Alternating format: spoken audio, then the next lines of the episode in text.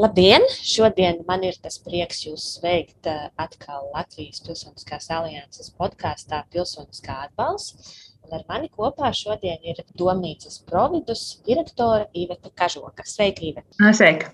Iveta šobrīd ir ceļā, tāpēc varbūt mums var gadīties kādi nelieli aizķeršanās gadījumi, skaņas kvalitātes vai interneta savienojuma ziņā, bet uh, cerams, ka tomēr viss būs kārtībā. Un uh, šobrīd ir tāds ļoti īpašs laiks. Mēs tiekamies oktobra vidū, ir pēcvēlēšanu laiks, un uh, šobrīd aktīvi notiek valdības veidošanas sarunas un arī plašas diskusijas dažādos līmeņos, kāda tad būs jaunā valdība un jaunā saima un ko tas nozīmē dažādās jomās.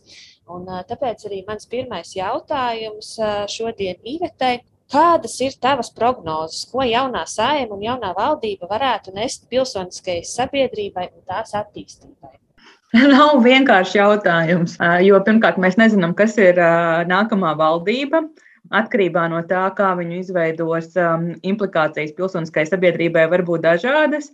Un otrkārt, man bija liels cerības uz valdību četrus gadus atpakaļ, jo šķita, ka ir ievēlēts jauns partijas ar lielām ambīcijām attiecībā uz pilsonisko sabiedrību, un arī daudzi cilvēki, kas iepriekš ir bijuši nevalstu organizāciju vidē, bet nu, nav tā, ka pilsoniskajām organizācijām kaut kas ļoti būtisks iepriekšējos četros gados būtu mainījies. Es teiktu, ka es būtu piesardzīgi optimistiski attiecībā uz nākamajiem četriem gadiem šķiet, ka um, būs progress, bet es būtu ļoti pārsteigta, ja tas progress būtu īpaši strauji. Kad atskatoties pēc četriem gadiem, mēs saprastu, ka šī valdība tiešām paveikusi nu, milzīgas lietas pilsoniskās sabiedrības labad. Tas man būtu pārsteigums, bet nu, neliels uzlabojums noteikti redzu. Mm -hmm. Jo jā, šobrīd arī pavisam nesen, pagājušajā nedēļā, nevalstiskās organizācijas nosūtīja šobrīd eh, valdību veidojošajām partijām, prezidentam un pārsvaru koordinācijas centram vēstuli ar ieteikumiem, ko tad pilsoniskā sabiedrība gribētu redzēt topošās valdības deklarācijā. Un jāsaka, ka šīs vēstules saturs sevišķi neatšķīrās no tās, ko mēs sūtījām iepriekšējai eh, valdībai ar aicinājumu iekļaut eh, deklarācijā, kas toreiz īsti arī netika izdarīts. Un uh, viens no šiem aicinājumiem ir iekļaut valdības deklarācijā pilsonisko dialogu, lai tas būtu līdzvērtīgs sociālajiem dialogam. Ivet, varbūt tu vari paskaidrot, kāpēc tas būtu svarīgi, ko tas īsti nozīmē. -hmm. nu, man šķiet, ka gandrīz visi Latvijā ir pamanījuši, ka tajā brīdī, kad tiek pieteikts kaut kādas ļoti nozīmīgas reformas, parasti neatkarīgi citu, no tā, vai attiecīgajām organizācijām ir kaut kāda īpaša kompetence šajā jautājumā vai, vai nē, nu, tās reformas komentē Latvijas darba devēja konfederācija, dažkārt arotbiedrību savienība, dažkārt LTRK, kas ir ražošanas uzņēmējs apvienojuša organizācija, varbūt kādreiz zinātņu padome, varbūt pašvaldību savienība. Un tad šīs ir tās organizācijas, ar kurām valdība līdz šim ir pastiprināti konsultējusies attiecībā principā uz visu, ko viņa dara. Lai gan tās augtais sociālais dialogs, tas parasti ir, ar ko mēs saprotam dialogu starp darba devējiem, nu, teksim, Latvijā tas viņus pārstāvētu LDDK, Latvijas darba devēja konfederācija, darba ņēmējiem, ko Latvijā pārstāv arotbiedrības un valdību, ir skar daudz šaurāku jautājumu loku sociālās drošības jautājumus, nodarbinātības jautājumus un līdzīgas tēmas, kur ir tiešām svarīgi atrast kādus kopīgus saskarsmes punktus starp valdību, starp arotbiedrībām un starp darba devējiem. Ir pilnīgi skaidrs, ka Latvijā ir milzums citu organizāciju ar varbūt pat spēcīgākām un labākām zināšanām konkrētās nozarēs, nu, teiksim, izglītības joma, vai vides joma, vai bērnu tiesība aizsardzība, kuri vienkārši šajā dialogā ar valdību reti kad ir pārstāvēti. Un tā tad ir un būtu pilsoniskā dialoga um, pamatjēga, kā tas būtu tāds kā paralēls process sociālajam dialogam, kas ir nu, tīri par tādiem nodarbinātības un sociālās drošības jautājumiem. Pilsoniskais dialogs tad ietvertu valdības sarunas ar dažādām um, nozaru organizācijām, Bet, protams, ka mēs nevaram gaidīt, ka valdība spēs vienlaicīgi diskutēt no nu, 10 vai 20 tūkstošu dažādām nevalstiskajām organizācijām. Tur ir vajadzīgs mehānisms. Un tas mehānisms, kas ir izdomāts, ir jau daļai ieviests, proti, tā ir tāda kā padome starp valdību un nevalstiskajām organizācijām, kur nevalstisko organizāciju pārstāvi tiek ievēlēti no citu nevalstisko organizāciju puses. Un tad šai padomē vajadzētu būt pilnvarām ne tikai runāt par tādiem plašiem jautājumiem, kas attiecās uz demokrātiju un visu pilsonisko sabiedrību, bet arī risināt strīdus starp, piemēram, nozaru ministrijām un visdažādākajām nozaru, nozaru organizācijām attiecībā uz to, vai viņiem ir bijis iespēja paust savu viedokli uh, likumdošanas procesā vai tajā brīdī, kad ministri izstrādā kādas jaunas stratēģijas. Nu, piemēram, vidas organizācijām ir liels problēmas nonākt dažādās konsultatīvās padomēs zemkopības ministrijā. Zemkopības ministrija tradicionāli konsultējās gandrīz tikai ar lauksaimnieku organizācijām, kas ir organizācijas, nu, kas pārstāv savus biedrus un savu biznesu. Viņiem ir ļoti retas iespējas noskaidrot, ko par viņu jaunajiem piedāvājumiem domā tādas vairāk sabiedriskā labuma organizācijas. Nu, lūk, un tas pilsoniskā dialoga ideja ir um, izdomāt tādu labu veidu, kā valdība var noskaidrot, ko par dažādiem jaunu reformu pieteikumiem domā visdažādākās pilsoniskās sabiedrības organizācijas. Un, uh, svarīgi, lai šis veids nav tāds, kas veicina anarhiju, proti, desmit tūkstoši organizācijas runā vienbalsīgi viena otrai pretī, bet viņš ir strukturēts un strukturēts nesliktāk kā šobrīdējais sociālais dialogs. Pilsonisko dialogu var organizēt un arī vajag organizēt vienlaikus gan katrā ministrijā, kad katra ministrija nu, teiksim, savā konsultatīvajā padomē sapulcina tās organizācijas, kurām varētu būt visvairāk, visvērtīgākās informācijas, ko teikt par ministrijas darba sfērām cerams, dodot lielāku iespēju piedalīties sabiedriskā labuma organizācijām un mazāk nu, tādām biedru labuma organizācijām. Un tāpatās pilsoniskais dialogs ir ļoti svarīgs centrālā līmenī, tad, kad valdība vēlās pakonsultēties par kaut kādiem plašākiem jautājumiem. Un tur šobrīd ir ārkārtīgi svarīgi, lai šiem pilsoniskajam dialogam ir tāds centrālais koordinators no pilsoniskās sabiedrības puses, kas tad būtu Latvijas Pilsoniskā alianse. Līdz ar to, tad, kad mēs domātu par sociālo dialogu, mēs pamatā domātu par LDDK un Brīvu arotbiedrību un savienību, Elbasu. Tomēr, tad, kad mēs domātu par pilsonisko dialogu, mēs domātu par Latvijas Pilsonisko aliansi kā koordinātoru, memoranda padomē ievēlētās organizācijas, kas regulāri rotētu tādu šī dialoga īstenotāju centrālā līmenī Un, principā, visas Latvijā eksistējošās nevalstiskās organizācijas, sevišķi pilsoniskās organizācijas un sabiedriskā labuma organizācijas, kā šī dialoga dalībnieku tajā brīdī, kad viņiem parādās kaut kāds nozarisks jautājums, kur viņi var palīdzēt ministrijai izstrādāt labāku likumu vai labāku politiku. Sanāca gari, bet cerams, ka visaptveroši. Jā, un kas būtu tie soļi, kas ir uh, kas ir jāspēr, lai šo pilsonisko dialogu īstenošanu. Nu, no sākuma valdībai būtu jāatzīst, ka pieņemot lēmumus, ir svarīgi konsultēties ar sabiedrību, ar dažādākajām nozariskajām organizācijām, ir sevišķi sabiedriskā labuma organizācijām. Tas jau būtu spēcīgs pirmais solis, kā valdība atzītu, ka paralēli sociālajam dialogam pastāv arī pilsoniskais dialogs, un ka valdība to pilsonisko dialogu uztver nopietni. Jo līdz šim, atzīsim godīgi, valdības pilsonisko dialogu nav uztvērušas nopietni. Tāpēc pat tajā valdības un nevalstisko organizāciju kopīgajā padomē uz sēdēm nāk valsts sekretāri vai dažkārt pat valsts sekretāru vietnieki un departamenta direktori, nenāk ministri. Un uh, premjerministrs nu, iepriekšējos četrus gadus bija tikai vienreiz, pagod, ne divreiz, laikam, pagodinājis šo memorandu padomu ar savu klātbūtni, kas ir stipri par mazu un vienkārši liecina, ka ministri nenovērtē to vajadzību konsultēties ar plašāku sabiedrību par savām politikām. Viņiem šķiet, ka viņi ir paši pietiekami gudri, bet, nu, diemžēl, pēc tam, kad šīs jaunās politikas tiek teikšas, ieviestas, varbūt pakonsultējoties ar valdībai vispietuvinātākajām organizācijām, pēc tam izrādās, ka cilvēki ļoti slikti novērtē šīs jaunās reformas un kopumā valdībai maz uzticās. Pirmais solis būtu atzīšana, ka ir vajadzīgs labs konsultāciju mehānisms gan ministriju iekšienē, gan arī priekšvaldībām, lai valdība varētu konsultēt, konsultēties ar plašāku sabiedrību. Otrs solis būtu šo mehānismu ieviest. Ja ministrija līmenī nav sevišķas problēmas, tur vienkārši jāpanāk, lai šīs konsultatīvās padomas būtu pieejamākas sabiedriskā labuma organizācijām.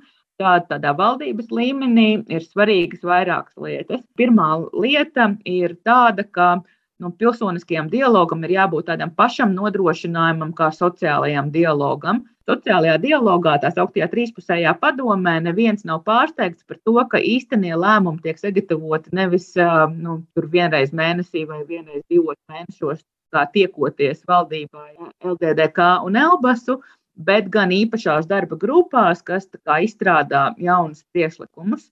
Līdzīgam mehānismam ir jābūt pieejamam arī priekšpilsoniskajām organizācijām. Līdz ar to būtu vajadzīgs arī koordinators pilsoniskajām organizācijām, šī Latvijas pilsoniskā alianse. Un, protams, ir vajadzīgs kaut kāds atbalsts no valsts, lai tas vispār notiktu. Jo Mēs nevaram paļauties, ka cilvēkiem, kas strādā nevalstiskajās organizācijās, vienmēr būs brīvs brīdis, lai ne tikai sanākt kopā tur reizi mēnesī ar valdību, bet lai regulāri tur strādātu darba grupās vai izskatītu strīdus starp nozaru ministriju un attiecīgās jomas nevalstisko organizāciju par jautājumiem, kas skar šī pilsoniskā dialoga kvalitāti. Un trešā lieta būtu jāpalielina tas status, status tam memoranda padomes sēdēm, ministriem pašiem biežāk apmeklējot šīs sēdes un parādot, nu, ka tur skarties, izskatītie jautājumi ir svarīgi. Nu, principā sanāk, ka divas lietas ir gandrīz tādas tīri simboliskas, vai ne? Atzīt, atzīt un uh, parādīt ar savu rīcību. Ka... Jā, nu, bet, bet, bet tas, tas tam simbolismam ir ļoti liela nozīme šajos jautājumos, jo nu, valdība līdz šim nekad nav pateikusi, ka viņai, ka, ka viņai tas pilsoniskais dialogs ir svarīgs.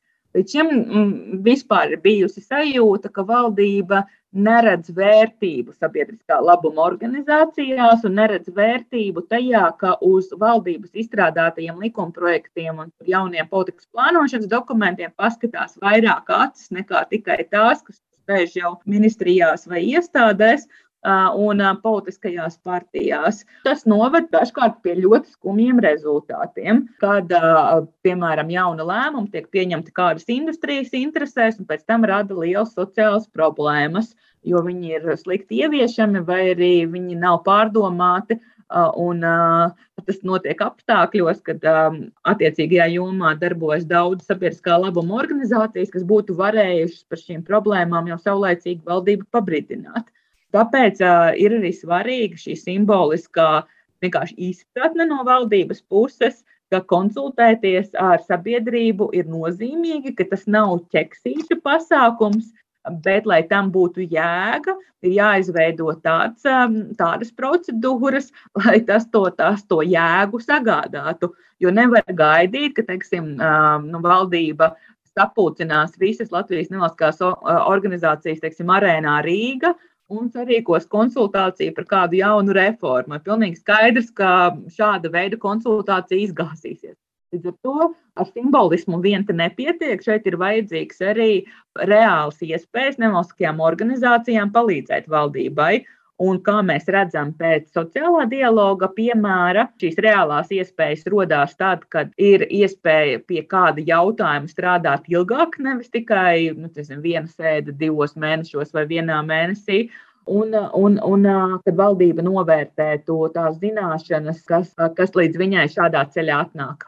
Un viens no ierosinājumiem deklarācijai bija arī izveidot vai piešķirt šo valsts pārvaldes institūciju, kas būtu tieši atbildīga par sadarbību ar pilsonisko sabiedrību. Jo kā tika likvidēta īpaša uzdevuma ministrijas sekretariāts sabiedrības integrācijas lietās, tad šādas institūcijas vairs nav bijis. Un, nu, kā mēs zinām, tad var staigāt no vienas ministrijas un institūcijas uz vienu, no kultūras ministrijas uz labklājības ministriju vai sabiedrības integrācijas fonds, kā, kā dažās situācijās ir. Bet, nu, kāpēc tad jā, tas jautājums, kāpēc mums, mums būtu vajadzīga šī īpašā ministrija? Nu, Latvijas demokrātijā ir vairākas tādas tēmas, kas kā tāds karstais kartupēlis tiek mētāts starp dažādiem resoriem, nevienam negribot uzņemties par tām atbildību.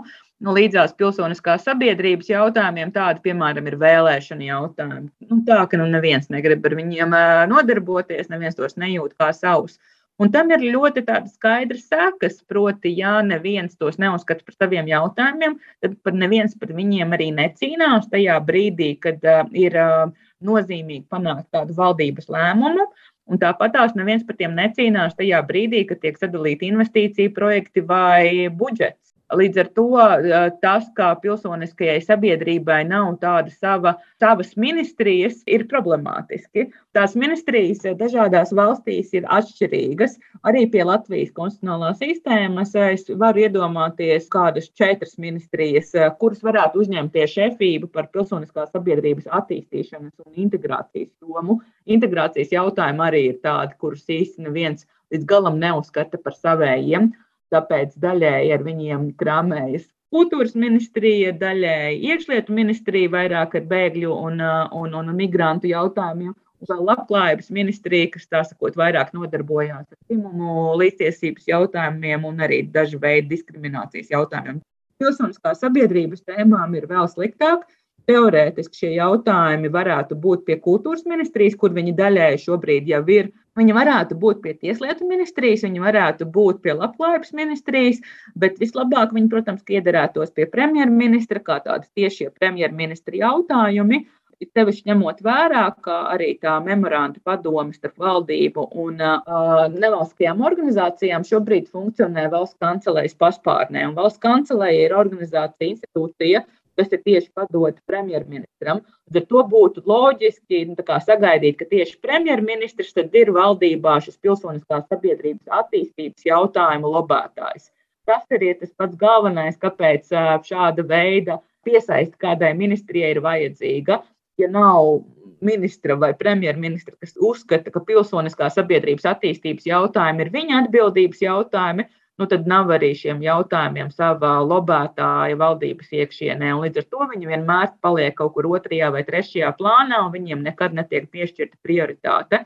Un rezultātu attiecībā uz integrācijas jautājumiem mēs šobrīd redzam pēc vēlēšanu rezultātiem un pēc tām noskaņām, kas šobrīd ir Latvijā, ka ļoti, ļoti daudz cilvēku nu, jūtās neapmierināti gan krieviski runājošie iedzīvotāji, gan tie cilvēki, kas ir nobalsojuši par tām opozīcijas partijām, kas bija ļoti noskaņoti valdības līdzinājām politikām, un valdībai nav skaidrs atbildes, ko šādā situācijā darīt. Daļēji arī tāpēc, ka valdība par to nav domājusi, jo neviens ministrs un arī premjerministrs to neuzskatīja par savas atbildības jautājumu. Un tā arī nu, šie jautājumi tagad ir gaisā pakārti. Jo... Nu, kā prasīt atbildību? Galu galā, jo savādāk ir ļoti grūti par kaut kādām nebūšanām. Mēs visi sabiedrība redzam, ka nu, šeit ir neizdarītas lietas, gan vēlēšana jomā, gan integrācijas jomā, gan pilsoniskās sabiedrības attīstīšanas jomā, bet nav kam paprasīt, kāpēc tu, premjerministra vai ministra, nedarīji labāk savu darbu. Jā, jā. Arī par šo sabiedrības līdzdalību runājot, protams, arī vēlēšana rezultāts savā ziņā tad ir likumsakarīgs, jo, nu, ja sabiedrībā visu laiku neklausās, ko mēs varam gribēt, ja reizes četros gados mums vienkārši saka, ka jāiet uz vēlēšanām. Bet uh, nevalstiskās organizācijas jau diezgan ilgi arī runā par šo jautājumu, par sabiedrības noturības spēju, par uh, krīzes vadības sistēmas izveidi un īpaši nozīmīgi tas parādījās arī Covid krīzes gadījumā, Ukraiņas kara gadījumā. Kā tu saredzi, kas būtu šie loģiskie nākamie soļi, īpaši ņemot vērā to, ka tikko klajā nācis arī šis valsts kontrolas ziņojums par to, kāda īsti ir uh, reālā situācija ar šo mhm. dzīvulo aiz, aizsardzību valstī. Pirmais, varbūt pats svarīgākais solis, kas pat nav tik daudz saistīts ar pilsonisko sabiedrību, bet vispār ar valdības darbu, tādu jēgpilnību un, un uh, labu koordinētību, ir saprast, kādā veidā Latvijā mēs risinām pārnozaru jautājumus. Kā valdība pieņem šajos jautājumos lēmumus, kas izstrādā jaunas politikas un kā viņas tiek ieviestas. Jo pilsoniskā sabiedrības attīstīšana un arī sabiedrības noturētspēja ir viens no tādiem jautājumiem, nu, kas nav konkrētai ministrei eh, piederīgs. Viņš attiecās uz ļoti dažādām ministrijām un dažādām situācijām. Un šeit, kā mums ļoti spilgti parāda šis valsts kontrolas ziņojums par civilās aizsardzības sistēmu, ka mums ļoti lielas problēmas ar šo centrālo pārresorisko jautājumu koordināciju. Viņa nestrādāja, nestrādāja Covid-19 krīzes kontekstā, un viņai no sevis piebildīšu, diezgan švaki strādā arī Ukrāņu bēgļu uzņemšanas kontekstā. Un, protams, atkal, ja mums būtu šī spēcīgais, tā sauktais valdības centrs, kas tā kā nu, kaut kādā iestādē vai divas iestādes pie premjera, kas tad uzņemtos koordinēt tādus jautājumus, kas attiecās uz dažādām iestādēm, tad būtu arī kam turēt rūpi par pilsoniskās sabiedrības attīstīšanu, par noturēt spējas veidošanu un kas zinātu, kurā mirklī šie atslēgas vārdi ir svarīgi arī kaut kādu jaunu nozarisku politiku izveidē. Tāpēc tas būtu pirmais solis. Otrais solis e, būtu paskatīties uz šo jautājumu pilnīgi no otras puses, proti no pašvaldībām. Pašvaldības jau šobrīd ir ieguvušas diezgan labu pieredzi saskarsmē ar saviem un sadarbībā ar saviem vietējiem iedzīvotājiem un arī vietējām nevalstiskajām organizācijām, veidojot dažādas palīdzības formas Ukraiņas bēgļiem. Būtu svarīgi saprast, kas no šiem mēģinājumiem ir labi piemēri, labi piemēri citām pašvaldībām un līdzīgām situācijām nākotnē. Jo tad, ja mēs redzētu, teiksim, vismaz dažas pašvaldības, kas ir izveidojušas lielisku sadarbību ar saviem iedzīvotājiem, kaut kādu konkrētu darbu darīšanā, tad tas jau patiesībā ir pamats tādas noturīgas sabiedrības izveidē. Jo tad, ja notiek nākamā krīze, tad cilvēki jau viens otru zina. nu, teiksim, vietējais aktīvists, vietējais tur, nezinu, pilsoņu koordinators, sociālo dienestu darbinieks pašvaldības darbinieki, varbūt vēl kādi cilvēki, pašvaldības policija, un viņi jau spēja izdarīt kopā daudz vairāk nekā viņi spētu katrs atsevišķi. Nu, tā noturība um, sabiedrībā veidojās uh, pamatā tieši šajā līmenī.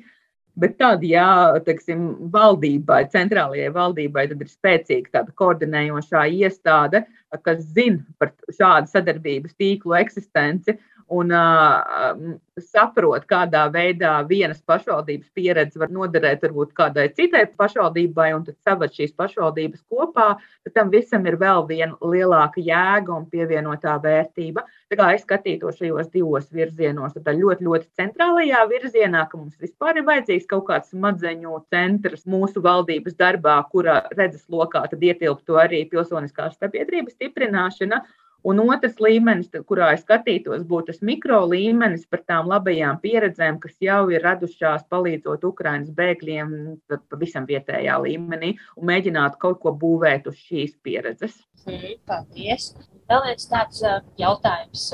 Tuvākās nākotnes sakarā ir attiecībā par publisko finansējumu. Tūlīt sāksies jaunais Eiropas Savienības fondu periods, sāksies arī atvesaļošanās instrumenta, naudas un, un, un finansējuma. Kāda šobrīd ir tā nevalstisko organizāciju, pilsoniskās sabiedrības loma šī finansējuma uzraudzībā, vai tas varētu būt kaut kā savādāk, labāk?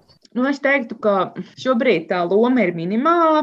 Proti, ja vien kādam žurnālistam nav iedota ziņa, parasti neoficiāli no slēptiem kanāliem par to, ka kaut kas ar naudas dalīšanu ir nepareizi, tad ir diezgan liela iespēja, ka neviens to pat nepamanīs. Vai arī pat, ja pam, pamanīs, tad uh, tie būs valsts ierēģi, kas tālāk nu, sakot, vienkārši pieņems to kā, kā dzīves faktu.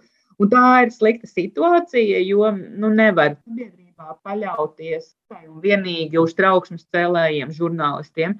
ir vajadzīgs arī kaut kāds sistemātiskāks darbs pie tā, lai uh, valsts līdzekļi tiktu sadalīti pēc kaut kādiem pārdomātākiem kritērijiem, un tāpat tās arī, lai struktūra fonda nauda netiktu piešķirta uh, kādiem pilnīgi nederīgiem projektiem. Tā problēma gan te ir tāda, ka, lai šādu uzraudzību ārpus teiksim, valsts kontrolas, kas daļai, protams, šo dara, uh, uzstādītu, ir vajadzīgi ļoti pamatīgas zināšanas un labi resursi.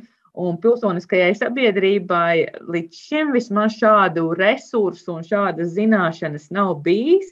Jo, nu, neslēpsim, pēdējos vismaz 15 gados šāda tipa organizācijas ir slikti finansētas. Kopš Soros fonds um, pārstāja darboties Latvijā un aizgāja vairāk uz austrumiem, lai spēcinātu tās demokrātijas, kurām ir vairāk vajadzīgs atbalsts. Nav bijusi Latvijā finansējuma programma, kas būtu paredzēta tam, lai nevalstiskās organizācijas spētu gan pašas apgūt zināšanas tajā, kā uzraudzīt valsts naudas izmantošanu, gan arī reāli kaut ko tur monitorēt. Man ir diezgan liela cerība uz tiem jauno, jauno atvesaļošanās mehānismu, kur ir paredzēts finansējums šāda tipa organizāciju veidošanai un spēcināšanai. Nezinu, kā tas reāli dzīvē izskatīsies, bet man ir cerības, ka varbūt šādā veidā šīs reiz bijušās zināšanas Latvijas nevalstiskajās organizācijās atjaunosies.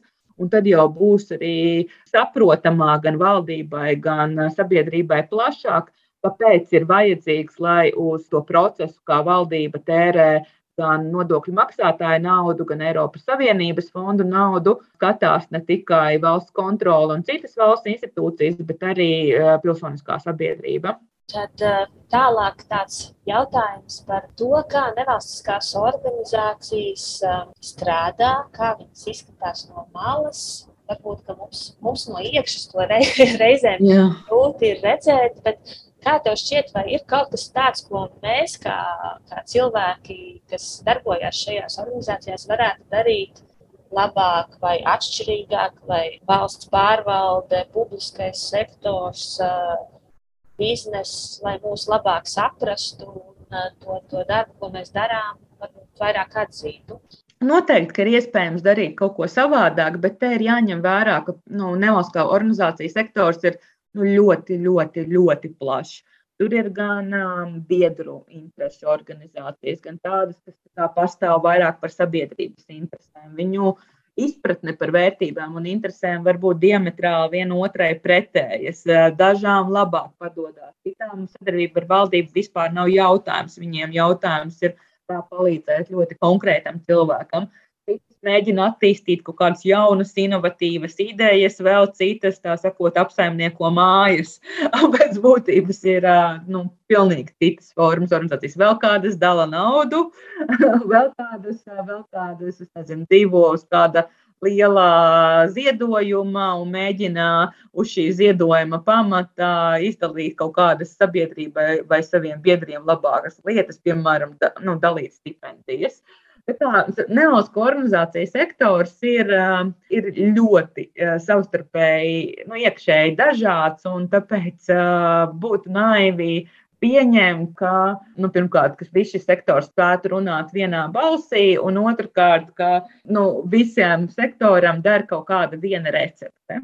Pēc tā, ko es esmu sapratusi, nu, nu jau var teikt, jau gandrīz 20 gadu garumā strādājot nevalstisko organizāciju sektorā, ir, um, ka varbūt tieši nu, no sektora šobrīd uh, Latvijas pilsoniskā sabiedrības attīstība nav tik ļoti atkarīga no valdības un no pašvaldībām. Jo, ja mēs skatāmies uz sabiedriskās domas aptaujām Latvijā un citās Eiropas Savienības valstīs, viens no rādītājiem, kas man jau ilgi mulsina, ir tas, cik ļoti lielā mērā cilvēki neusticās, ka Latvijas, Latvijā viņu balsī ir jebkāda nozīme. Protams, kad viņiem jautā, vai jūs ticat, ka jūsu valstī, jūsu balsī ir svars un nozīme, pie mums bieži vien Latvijas pilsoņi pasaka, ka nē. Turklāt ar daudz lielāku īpatsvaru nekā Eiropas Savienībā vidēji, un dažkārt mēs esam dažos pusgados, kad šīs aptaujas tiek rīkotas, mēs esam pašās pēdējās Eiropas Savienības vietās. Un, kad mēģina runāt ar cilvēkiem par to, kāpēc viņiem ir šī neticība savām spējām ietekmēt lēmumus, tad izrādās, ka daži no viņiem ir mēģinājuši, bet nu, no valdības vai pašvaldības puses nav bijusi nu, nekāda interese viņus iesaistīt. Un tas ir pamats šai skepsei. Un es teiktu, ka šeit pilsoniskās organizācijas diezgan maz ko var darīt. Šeit tas ir tomēr vairāk valdības un pašvaldību jautājums. Mēģināt parādīt tos piemērus, kad pilsoniskās organizācijas vai arī paši aktīvisti, vienkārši aktīvisti spēj kaut ko ietekmēt. Um, viena tāda lieta, ko pilsoniskās organizācijas nedara pietiekami, bet tā ir arī milzīga valsts pārvaldes problēma, ir mēs nemākam iesaistīt savā darbā eh, cilvēkus, kas ir atšķirīgi no tā vairākuma darbinieku, nevalstu organizāciju darbinieku īpatsvaru, kas tur ir šobrīd. Proti, mēs nemākam iesaistīt krievisku runājošos iedzīvotājus. Ļoti tā, nu, tādi švaki rādītāji, ja mēs paskatāmies personāla sastāvu daudzās redzamās Latvijas nevalstiskajās organizācijās. Man šobrīd nav līdz galam atbildi, kāpēc. Un plus vēl nu, teksim, cilvēkus, teiksim, tā, kas nav ar augstāko izglītību un varbūt nu, no tālākiem reģioniem, arī viņi rēti kādā, kaut kādā veidā ir iesaistīti nu, nevalstisko organizāciju darbā, kas funkcionē visas valsts līmenī. Man nav labas receptes, ko tur var darīt, bet es ceru, ka ar laiku tas radīsies šī ir tā lieta, par ko man šķiet, ka nevalstiskajām organizācijām ir jādomā vairāk. Līdzīgi kā nu, tiksim, aizvien vairāk var redzēt, ka nevalstiskās organizācijas kļūst par tādu kā sieviešu padarīšanu, ka ir ļoti, ļoti grūti atrast vīriešus, kas strādā nevalstiskajās organizācijās, sevišķi nevadošās pozīcijās. Un tā ir problēma, jo tā mēs pazaudējam perspektīvu nu, no ļoti lielas sabiedrības daļas.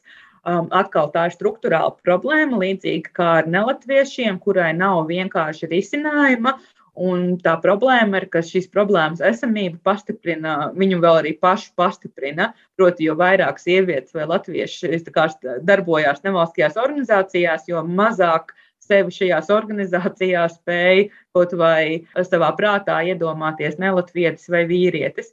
Un par šiem jautājumiem mēs esam par maz diskutējuši, par maz domājuši, kā to vispār ir iespējams atrisināt. Jā, man nu, arī bija ļoti interesanta pieredze strādājot ar jauniešiem, vidusskolēniem, kuriem es jautāju, vai viņi zina, kas ir nevalstiskās organizācijas. Tad viņi sāk prātot un brainstormot un tā kā, tās definīcijas apmēram izliet, kas tās nevalstiskās organizācijas varētu būt. Kad tu sauc kaut kādus piemērus, tad daži no viņiem varbūt arī atpazīst. Bet, jā, principā tas atpazīstamības līmenis bija diezgan zems, un tā situācija ir diezgan skumdinoša. Tā ir. Tā ir, tā ir, tā ir. Daļēji, daļēji to izskaidro arī tas, ka nu, šī ir tāda šobrīd tāda vairāk segregēta nodarbe, it sevišķi sabiedriskā labuma organizācijās.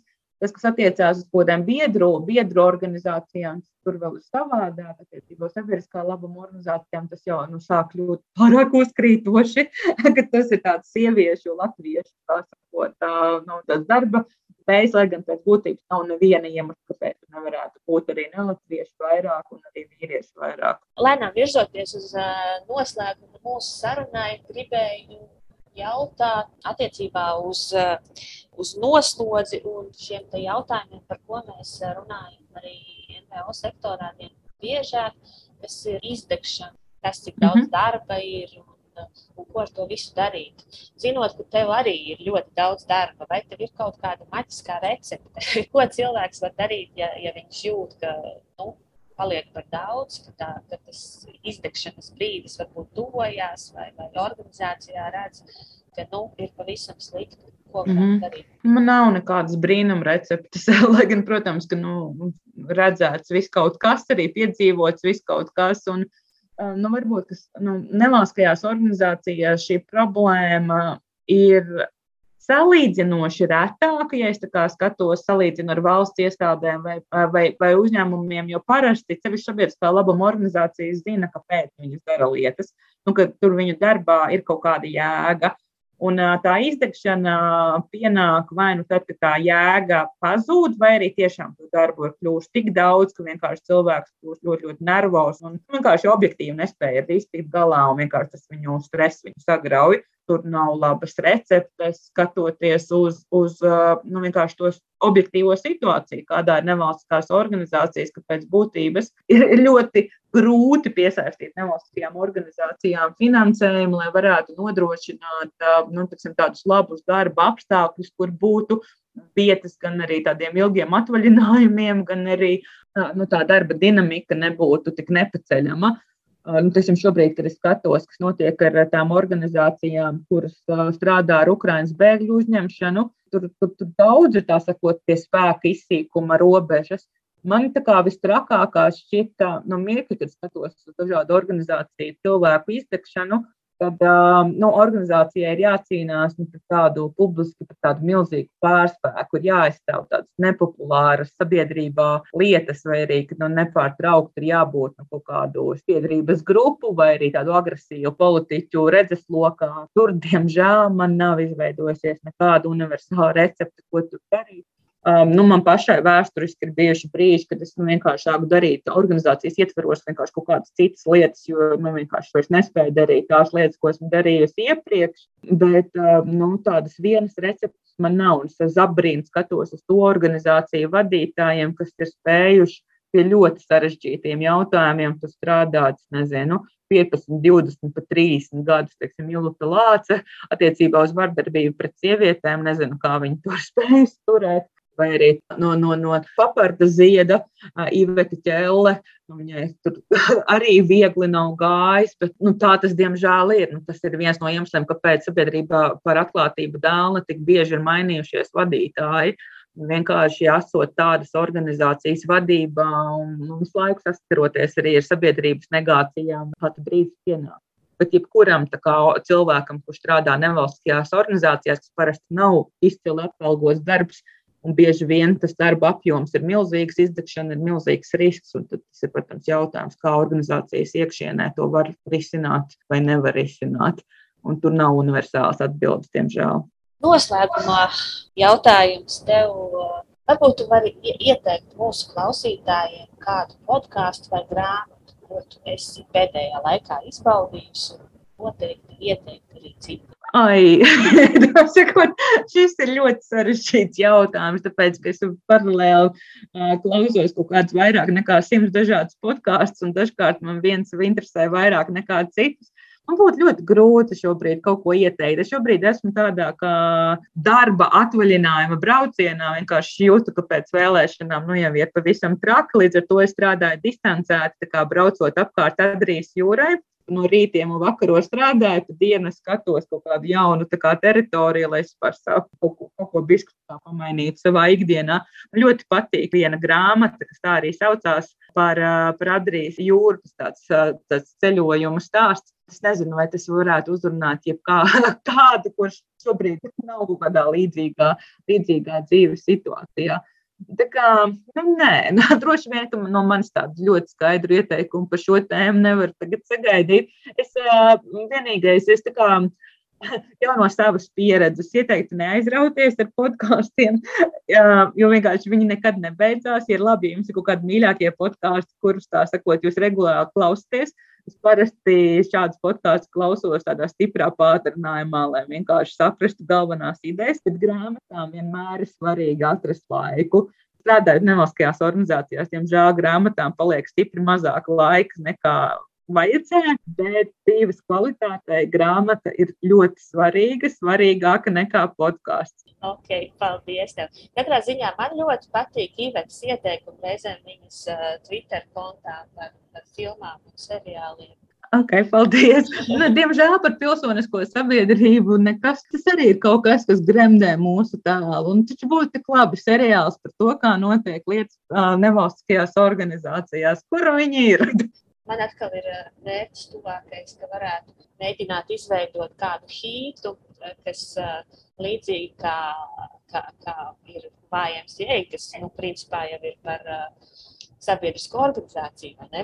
Ja, yeah. Christian Association, ka Latvijā varētu būt kāda dziesma par NVO, Arī, arī vai not. Bet es iedomājos, dažkārt ir vērts paklausīties Lindas Cūrikas stand-upus. Viņa tur laiku pa laikam stāsta par to, ko viņa ir piedzīvojusi nevalstiskā organizācijas sektorā. Ne visam var ticēt. Tā sakot, tas ir stand-ups. Bet no otras puses viņa ļoti, ļoti krāšņi māk pasniegt nu, tādas tipiskākās nevalstiskās vides pieredzes, jo mēs jau sevi no malas neredzam. Bet tajā brīdī, kad cilvēks nu, sāc strādāt kaut kur citur, vai tur drošības jomā, vai valsts iestādēs, vai privātajā biznesā, Un tas laiks nevalstiskajās organizācijās parasti paliek atmiņā kā tāds diezgan specifisks. No ar visiem tiem projektiem, ar atskaitēm, ar sabiedriskā labuma misiju, ar vajadzību sagrābt ļoti daudz dažādus darbus, lai vienkārši kā organizācijai būtu budžets, vienlaikus izdarot labas lietas, vienlaikus atbildot uz visu gaidām. Tur ir ļoti, ļoti daudz visādu komisku elementu. Un ir ļoti jauki, ja kāds uz tiem komiskajiem elementiem spēj nu, tādā neuzbāzīgā veidā parādīt.